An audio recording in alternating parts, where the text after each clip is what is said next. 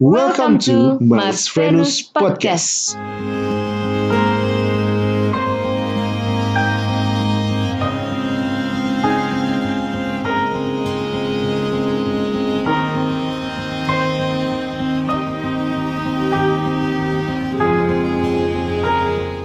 Dia berusaha mengenal satu sama lain itu sekitar satu tahun. Hmm. Lama juga ya. Iya, Kita tiga bulan aja kita kayaknya tiga udah, bulan. udah ngebet. Kapan jadi ngebet.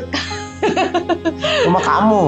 yang yang patah tumbuh yang hilang berganti yang hancur lebur akan terobati Waktu kita lagi fokus di track kita, jangan lupa untuk nengok ke kiri dan ke kanan dan lihat siapa aja orang yang berjalan bersama kita. Karena mungkin di situlah kita bisa ketemu sama pasangan kita yang terbaik dari Tuhan. Hmm.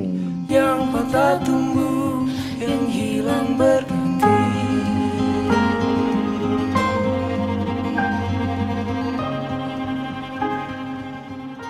Terus ada lagi nih, banyak juga yang ketemu di sebuah komunitas. Komunitas. Mm-mm. Wow. Atau kepanitiaan ya. Ada Iya, beberapa iya. kepanitiaan juga. Mm-mm. Hmm. Ada yang cerita nih cowok, katanya ketemu sama istrinya yang sekarang di kepanitiaan fakultas kuliahnya dia. Hmm. Katanya mereka seangkatan tapi beda jurusan. Hmm. Ternyata nggak disangka-sangka ikut kepanitiaan itu malah jadi jembatannya mereka untuk ketemu, Hmm. untuk lebih dekat gitu. Terus katanya selama kepanitiaan itu pun ngomong aja nggak sampai 10 kali. Sekalinya ngomong cuma satu tujuannya minta duit. Entah ya ini Bendahara kali. aku lupa ya cewek ini bendahara atau seksi dana usaha juga lupa Ya, gitu. ya, ya. Tapi biasa gitu tuh. eh, nggak berani ngomong banyak Mm-mm. Karena emang udah suka. Nggak sih? Oh, aku nggak tahu ya. Iya, Tapi iya, kalau iya. cowok Mm. ada kondisi-kondisi di mana gila gue suka nih sama dia dan setiap orang kan beda-beda. Tapi cowok Hmm. yang pemalu itu lebih ke arah kalau gue suka, gue nggak mau tegur duluan. Oh, Karena- gitu. Takut aja gitu gimana Oh, jelasinnya? Takut ketahuan gue suka sama dia. Hmm. Jadi kadang-kadang yang dilakukan adalah hal sebaliknya. Yang lain disapa dianya enggak. oh gitu ya I- deh. iya bisa, bisa banget, bisa Hmm. banget. Oh, tapi dia dia lanjut cerita nih ya. Hmm. Dia bilang rasa sayang itu mulai tumbuh setelah bahkan dia nggak dalam kepanitiaan lagi. Hmm. Jadi waktu kepanitiaan mungkin rasanya biasa aja gitu ya. Hmm. Terus awalnya mulai dari komen status BBM. Wah masih zaman BBM tuh. Lama juga ya. Mm-mm. Eh ternyata diajak ngobrol nyambung. Berarti sebenarnya dari awal nggak ada motif ya? Kan cuma sekedar komen doang. Eh tapi akhirnya ngobrol nyambung. Hmm. Terus akhirnya nembak dan enam tahun kemudian setelah ribuan ngambek dan berantem, akhirnya sekarang mereka ada di kasur yang sama sampai maut memisahkan. Wow, menikah juga. Iya, Tapi iya. ini hal yang sangat umum terjadi sih. Hmm, Ini kan ketemu di kepanitiaan fakultas. Ada juga yang ketemu karena satu fakultas. ya. Ada juga yang ketemu karena sama organisasinya ya Iya. kayak memang udah jalannya aja sih ketemu sama si orang ini Mm-mm. dan ngobrol nyambung jadi uh, hal yang wajar tapi cerita setiap orang tuh beda-beda banget gitu. Iya. Nah, orang ini pas banget ngobrolnya udah jarang pas dideketin pertama kali eh nyambung si ceweknya juga Hmm, mau ya, hmm. kemudian langsung nembak gua aku nggak tahu sih berapa kali nembak berapa kali uh, memastikan sampai Hmm. akhirnya jadi tapi pacarannya enam tahun loh Iya lama luar biasa ya Luar biasa. Nah, ada nasihatnya dari dia. hmm. Katanya gini, usaha itu harus ada dalam semua PDKT. Hmm. Kuncinya adalah jangan menyerah karena ditolak satu, dua, atau tiga kali. Menyerahlah setelah kamu ditolak 999 kali. Buset. Aku sih nggak mau. Banyak kan. Karena itu artinya udah hopeless. Dia nggak emang nggak mau sama kamu. Gue sendiri ngajak dia buat makan malam 10 kali ditolak terus. Akhirnya dia nawarin gue buat makan malam bareng geng mainnya. Hmm. Oh jadi setelah 10 kali ditolak mulu, akhirnya malah cewek ini yang ngajak makan bareng ya. Hmm, tapi bareng sama geng lainnya. Iya, iya, jadi iya. nggak mau berdua aja Tapi kali. ya cewek ada gengsi juga sih. Maksudnya Hmm. kalau ngajak berdua gimana gitu kan. Hmm. Terus dia bilang lanjut, bahagianya tuh nggak bisa digambarin. Kayak mau terbang nih jiwa kayak di komik-komik. Paham sih, paham banget. Paham. Pernah. Meskipun pada akhirnya gue menolak ajakan itu karena ada tanggung jawab yang lebih besar. Ngomong-ngomong tadi soal kepanitiaan fakultas nih, Mm-mm. atau organisasi di kuliah. Hmm. Kamu bukannya juga pernah cinlok, Banyak sih, Beb. cinlok sama satu teman organisasi? Banyak. Kan dulu aku pas banget waktu di kampus. Hmm. Tipenya sangat aktif bukan organisasi. Dari unit kegiatan mahasiswa kampus Hmm. sampai ke organisasi Hmm. fakultas. Oh, Sampai organisasi kohani. Banyak nih Ah. di kampus tuh aku banyak ikut kepanitiaan, Ah. banyak ikut organisasi. Dan banyak cinlok juga. Mulai dari awal banget itu dari fakultas. Organisasi fakultas, cinlok nggak jadi hmm. organisasi UKM kampus Cinlok nggak jadi jadi ya Hmm. banyak lebih banyak nggak jadinya sih Beb. nggak ada yang jadi sih teman. nggak ada yang jadi gitu tapi ya aku bersyukur lah kalau aku jadi jadi mungkin beda lagi ceritanya Hmm. Nggak tahu ya nanti kamu mungkin bisa cerita Hmm. kalau aku sih Cinlok banyak banget sih dan kecewa juga banyak banget Hmm. karena Cinlok nggak jadi gimana sih rasanya Hmm. gitu. Cuma ya yang perlu dipahami kecewa atas tidak diterimanya kita sama si cinlok kan kita ini ya nggak akan selamanya rasanya rasa sakitnya itu Hmm. ya disyukurin aja sih karena itu yang buat kampus jadi menarik sih. Nah itu dia, bener. Ya kan? Kamu jadi lebih semangat gak datang ke kampus, ikut organisasi yang ada itunya. Ada dianya. Iya. Iya. Jadi apa ya masa-masa kuliah itu justru menarik karena ada cinta-cinta monyet itu loh. Hmm. Sebenarnya. Hmm. Iya, Kamu emang nggak ada? Ada kan? ada lah pasti. Iyalah, ya kamu pacaran pertama sama anak kampus. Sama anak, SMA itu. Masuk SMA ya? Pacaran? Eh, iya. Oh ya, aku kok lupa ya. Kamu pernah nggak sih ada kepikiran ikut organisasi untuk bisa kenalan sama orang lain? Oh, aku sih kalau itu enggak. Oh enggak. Kalau aku dari awal fokusnya memang karena suka sama organisasi, suka sama fakultas, Hmm. atau memang mau ikut ke kepanitiaan tersebut. Hmm. Kalau akhirnya ada yang digebet itu bonus sih. Oh. iya. Nah, tapi banyak juga loh teman-teman aku yang datang ke sebuah tempat Mhm. organisasi, Mm-mm. kepanitiaan dan lain sebagainya demi bisa kenalan sama cewek. Nggak heran sih sampai sekarang dia nggak dapat dapat. Parah. Karena buat aku motivasinya udah salah gitu loh. Hmm. Jadi semua perlakuannya dia itu kayak kelihatan banget lah nebak benih.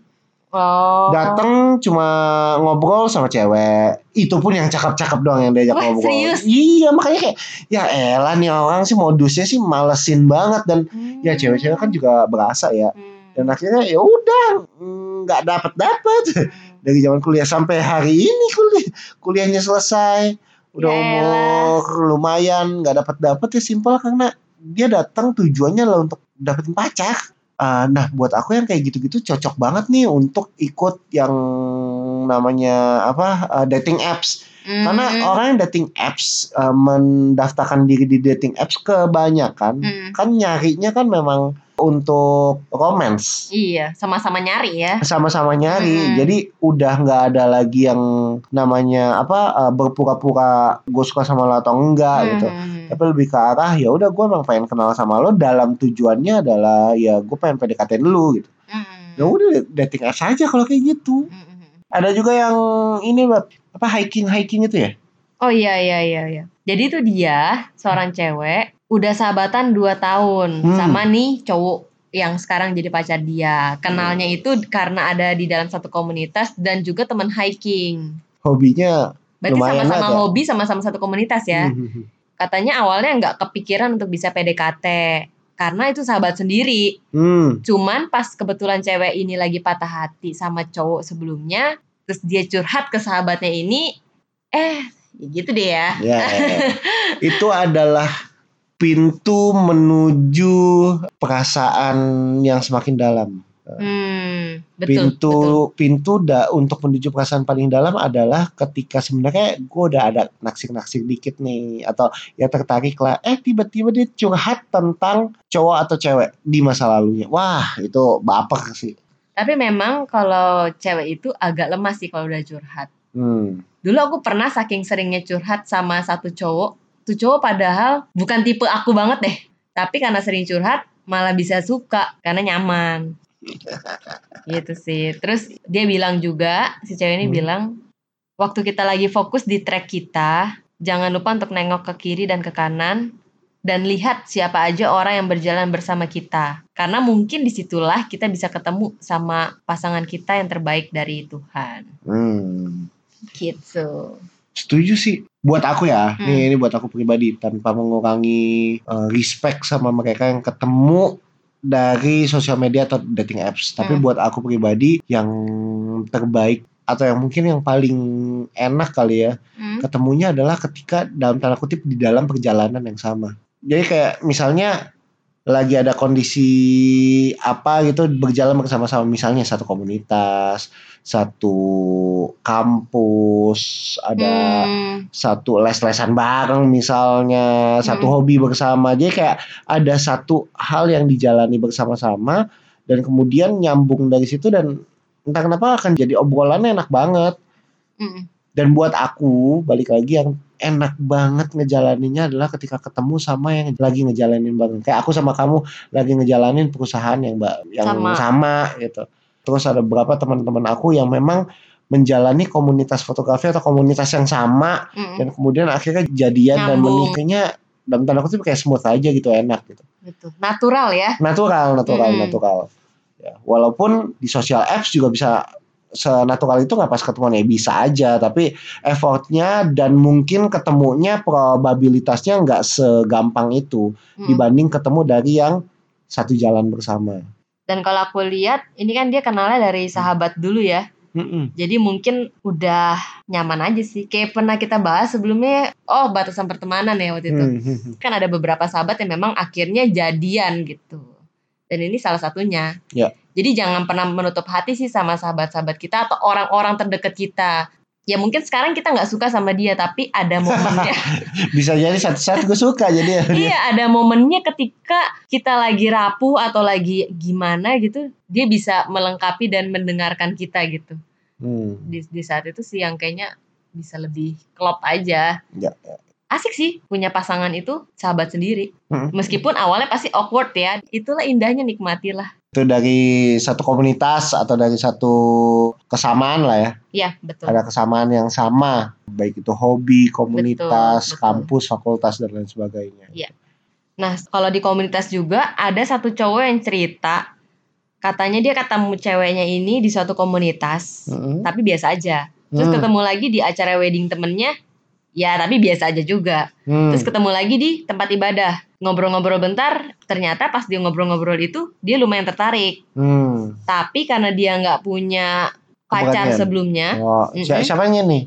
si cowok ini, cowok Oke. ini belum pernah pacaran sebelumnya, jadi dia mau PDKT itu harus hati-hati banget. Hmm. Kayaknya dia mirip-mirip kita juga sih. Hmm. Eh di mana dia nggak langsung main asal tembak, tapi dia lebih ke arah cari tahu dulu orangnya kayak gimana, dapetin informasi dari orang-orang yang teman-temannya dia, dari dianya sendiri, dari cewek itu sendiri, Ya, ya.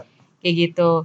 Dan dia mulai PDKT-nya dengan cara yang umum nih yang sekarang dilakukan adalah dengan membalas IG story. itu itu terjangkau banget loh cara itu. Ya.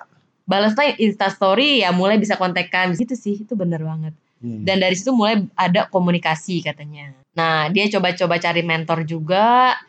Terus akhirnya eh, ketemu langsung main bareng sama teman-temannya dan dia sengaja ngajak teman-temannya untuk jalan bareng juga supaya kelihatan nih dia kalau lagi sama temennya gimana sih gitu. Ya, karena lebih bisa kelihatan orang tuh aslinya kayak gimana tuh ketika inklusif, Iya, betul bukan banget. eksklusif. Betul, betul, betul, Hmm. betul. Terus dia berusaha mengenal satu sama lain itu sekitar satu tahun. Hmm. Lama juga ya. Lumayan, Kita tiga bulan kita aja kayaknya udah bulan. udah ngebet. Kapan jadinya? ngebet. Cuma kamu. Papa aku yang nanyain, kamu kapan jadiannya? Oh, iya. Udah udah jadian gitu? Belum, mas Iya. baru dua bulan gitu kayak. Diresmiin lah, masa jalan berdua tapi nggak ada status gitu. Ih, Gitu ini gimana setahun? Papa aku sih udah ngamuk nih. Gak jadi. Tapi dia hebat loh bisa satu tahun tahan tanpa kabur loh. Hmm. Wow. Gat, gat. Mm-mm, Dan setelah satu tahun itu akhirnya dia siap untuk melangkah lebih lanjut. Jadi Hmm. akhirnya dia jadian. Karena setelah satu tahun pengenalan itu akhirnya dia bisa lebih paham akan kekurangan dan kelemahan pasangannya. Dan cara ini juga sebenarnya bukan cara yang umum ya. Mm-mm. Cara yang bisa dipakai tapi mungkin nggak untuk semua orang. Tapi kita rekomendasi nggak? Iya. Karena Mm-mm. kita sendiri ngejalanin wala- walaupun nggak nggak satu tahun ya. kita sendiri ngejalanin simple karena dengan cara ini kita jadi sangat mengenal satu sama lain dan sifatnya inklusif Betul. kenal sama teman-temannya, kenal eh, gimana kamu di depan teman-teman kamu, nggak nggak cuma sekedar berdua terus. Iya. Dan pengenalannya pun kadang-kadang kita mau memastikan berdua ketemuan untuk ngebahas banyak hal. Mm, Enaknya adalah eh, sebelum jadian kita sama-sama saling tahu bahwa kita PDKT satu sama lain. iya. Jadi nggak ada rasa nih sebenarnya dia suka nggak ya sama Iya. gitu. Iya, buat aku itu enak banget sih Iya. kondisi kayak gitu. Walaupun kalau nggak jadi tetap sakit hati, Mm, walaupun kalau nggak jadi tetap sedih, tapi seenggaknya jelas gitu lah apa yang dikerjain berdua. mm, mm, mm. Jelas tujuannya mau ngapain sih kita deket selama ini gitu. Hmm. Jadi happy for you. Uh, setelah satu tahun akhirnya bisa siap menerima kekurangan kelebihannya. Hopefully bisa sampai ke married dan kalau, kalau kalian sudah married, hopefully bisa everlasting, ever after. Amin. Ini Oh. ada yang ketemu di tempat ibadah katanya. Ada dua orang yang cerita ke kita sama-sama ketemunya di tempat ibadah, which is gereja kebetulan nih. Iya, Dua orang ini, ini cewek dan cowok yang sama nih jajan. beda-beda. Oh beda. Oh dua-duanya cewek. Dua-duanya Jadi cewek. satu cewek, satu Heeh. cowok. Ternyata cerita ke kita. Pasangan yang sama. Jadi yang pertama ini dia ketemu di gereja, katanya ada mahasiswa praktek yang lagi mimpin ibadah. Dan saat itu dia masih mahasiswa sedangkan si cewek ini udah kerja. Jadi lebih tua nih ceweknya, Hmm. lebih tua setahun. Hmm. Si cewek ini nggak ada kepikiran bakal dideketin. Hmm. Terus dia suatu saat ngeliat si cowok ini memimpin ibadah. Di situ kayaknya dia agak-agak kagum gitu loh. Kayak Hmm. ya oke lah gitu dari tampangnya, dari cara bicaranya, berwibawa. Di situ nggak ada interaksi apa-apa. Terus sama teman-temannya dia juga sempat ngomong kalau aja ada cowok yang duplikatnya kayak gitu gitu. Jadi sebenarnya mirip aku juga ya kayak Hmm. sebenarnya mengagumi cuman nggak berharap gimana-gimana sih gitu Hmm. akhirnya dia follow-followan Instagram nih. Suatu hari komen lah di Instagram. Memang Instagram ini menyatukan sih. Ada tadi Instastory, ini komen Instagram Ya, gitu. sosial media. Iya benar sosial media. Akhirnya mulai deket dari situ. Berarti Hmm. dari Instagram.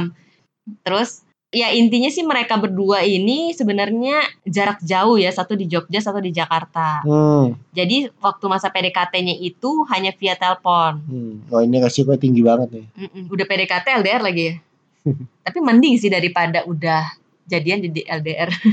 Ya. Ini yang pas PDKT sih. Atau Terus kalau jadian juga LDR juga kan itu. oh iya juga ya.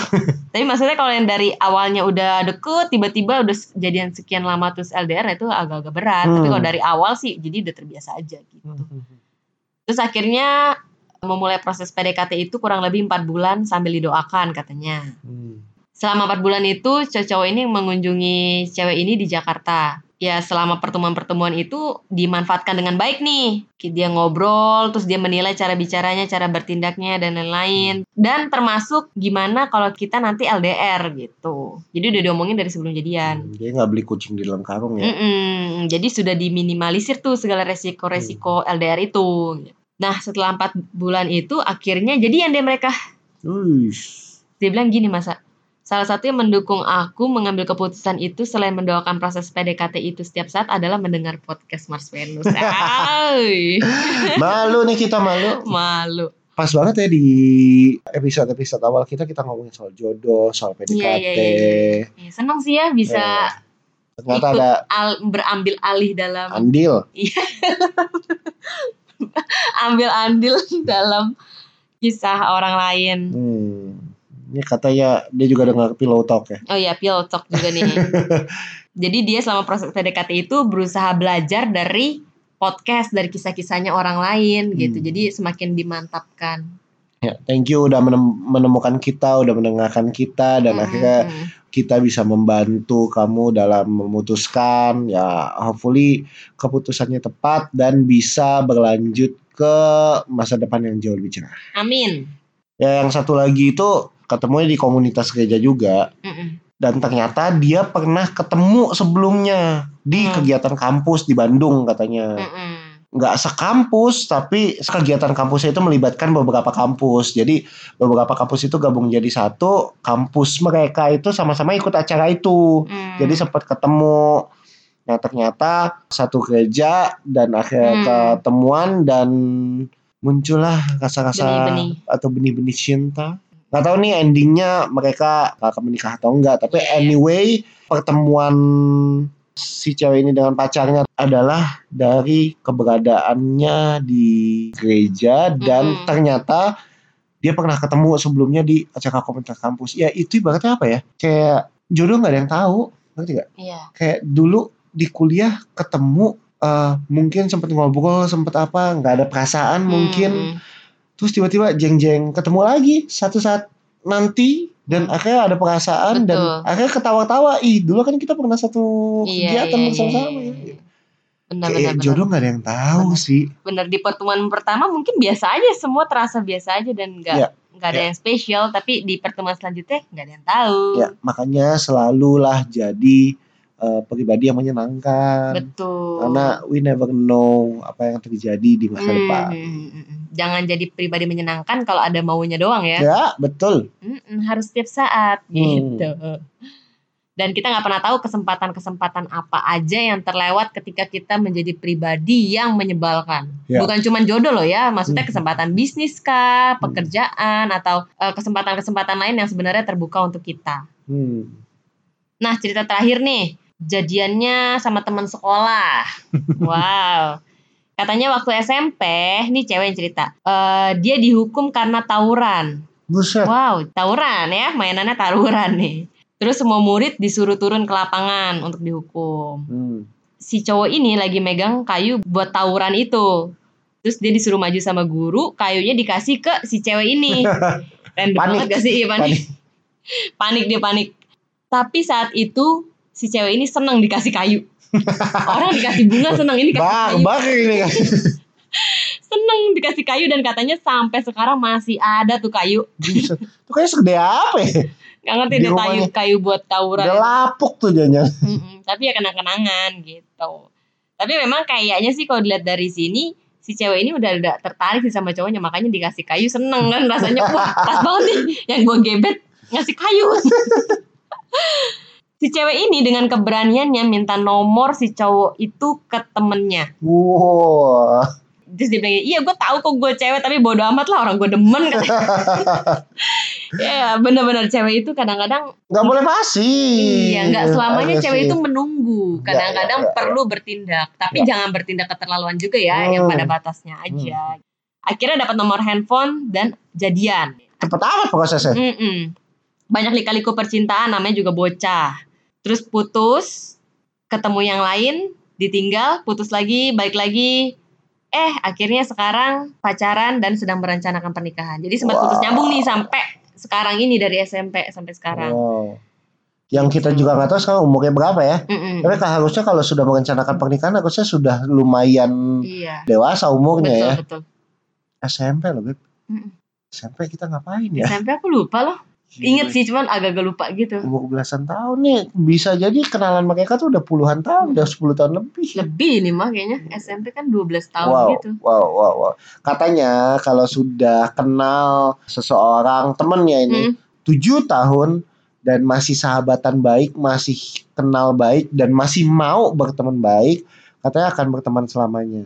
Bukan statusnya teman ya, Hmm. tapi ibaratnya ya gue udah kenal lu, lu udah kenal gua, ya bakal long last lah hubungannya Hmm. katanya kalau tujuh tahun. Ini kalau udah 10 tahun lebih walaupun sering tinggal-tinggalan Tinggal-tinggal. tapi kalau sudah mau merencanakan pernikahan, all the best dan hopefully bisa langgeng satu sama lain lah ya. Hmm. Dan jangan bosan ya. Ini kan aku pernah cerita ada temen aku yang pacaran loh, ini bukan kenal, pacaran 10 tahun. Wow. Hari ini punya anak dua. Wow. Dan ketika ditanya, aku kan dekat sama cowoknya waktu itu. Aku tanya, waktu itu mereka menikah di tahun pacaran mereka ke tujuh setengah. Oh pacaran tujuh setengah tahun. Ya pacaran tujuh Hmm. setengah tahun, eh, sudah menikah, sekarang sudah mau tiga tahun Hmm, pernikahan hmm, lah. hmm. Aku tanya sama dia, bro, lu bosan gak sih? Ya elah. Gitu jawabannya. Ya, Bukan bosan siapa? lagi. Nah, Bukan bosan lagi. Tapi kenapa lu mau merit? Iya karena memang sudah tidak ada pilihan. nah, jadi dia bilang "Eh, karena memang ya perasaan gue udah nggak bisa ke yang lain. Jadi Hmm. walaupun sudah tujuh setengah tahun waktu itu, dia nggak merasa bahwa harus ninggalin dia karena bosan. Hmm. Nah, kalau ngomong bosan ada nggak? Ya pasti bosan lah. Orang udah tujuh setengah tahun semua dia ngomong apa gue tahu baunya apa gitu. ya kayak udah udah paham semua muanya. Hmm. Tapi hari ini eh, anaknya dua dan mereka bahagia. Sudah hampir ke 11 lah berarti. Sudah pacaran atau menjalin hubungan sudah hampir 11 tahun. Ya asal jangan bosan sih menurut aku ya. Cari semua cara eh, gimana Hmm. cara supaya nggak bosan. Ya banyak ya Beb, yang cerita ya happy kita juga dengar-dengar ceritanya karena setiap orang beda-beda. Benar. Unik-unik ya cerita Iya, orang ya. kita, Cerita kita pun unik ya. Hmm. Sama-sama saling ketemunya gimana, terus saling sukanya gimana, dan akhirnya memutuskan untuk pacaran. Ah, kalau diingat-ingat lagi Beb ya, kayak kok bisa ya aku berjuang segitunya. Bukan bukan menyesali ya, tapi kayak kok bisa ya, hebat juga ya. Kalau sekarang disuruh ulang lagi kayak ya lah capek kali. Nungguinnya lama Hmm. bertahan atau struggle-nya juga lumayan kayak wah gila ya itu demi kamu loh beb Kamu jadi sweet sih. Aku inget di ulang tahun aku terakhir sebelum kita menikah, kamu ngomong sesuatu di motor. apa tuh kok aku lupa Random sih, cuman waktu itu aku kayaknya jadi jadi nangis deh. eh yang Kamu bilang gini, ini kan kamu orangnya nggak nggak romantis ya, jadi jarang ngomong kayak kalau romantis aku lupa pas itu apa ya iya, kayaknya jarang ngomong yang gimana gitu. hmm. Tapi waktu itu kamu ngomong gini, Beb, aku ngebayangin loh kalau nggak sama kamu, kalau seandainya kita nggak jadi nikah Hmm. atau tiba-tiba ada hal-hal yang bikin kita nggak jadi sampai ke pernikahan, aku nggak tahu aku akan jadi apa kata kamu gitu. Hmm. ya aku lupa sih tapi Udah parah kamu nggak nggak bermaksud ngomong itu dong. bermaksud Terus kamu bilang gini, dan aku rasanya males untuk kenal orang kayak gini lagi dari awal. eh iya itu itu benar Hmm. karena aku udah nggak ada niat lagi mulai segala suatu hubungan itu dari awal lagi sih Nah, cukup sama kamu Hmm. yang dengerin eh, Najis gitu ya. najis anyway jangan membatasi semua kemungkinan sih Betul. untuk bisa PDKT pengenalan satu sama lain Hmm. atau ketemu sama jodoh masing-masing Hmm, hmm, jangan membatasi kesempatan demi kesempatan sih hmm, hmm.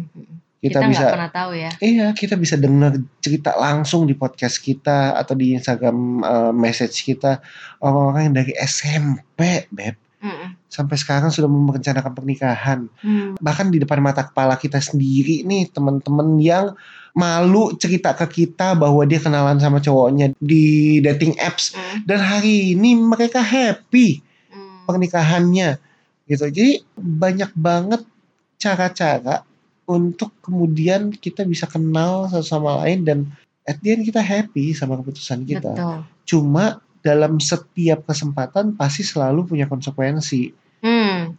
Ketemu di sosial media atau dating apps ada konsekuensinya.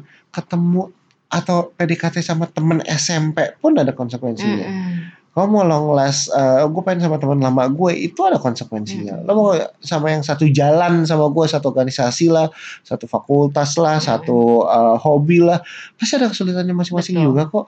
Jadi jangan pernah membatasi. Dan aku sih selalu punya prinsip tetaplah jadi diri yang baik dan otentik.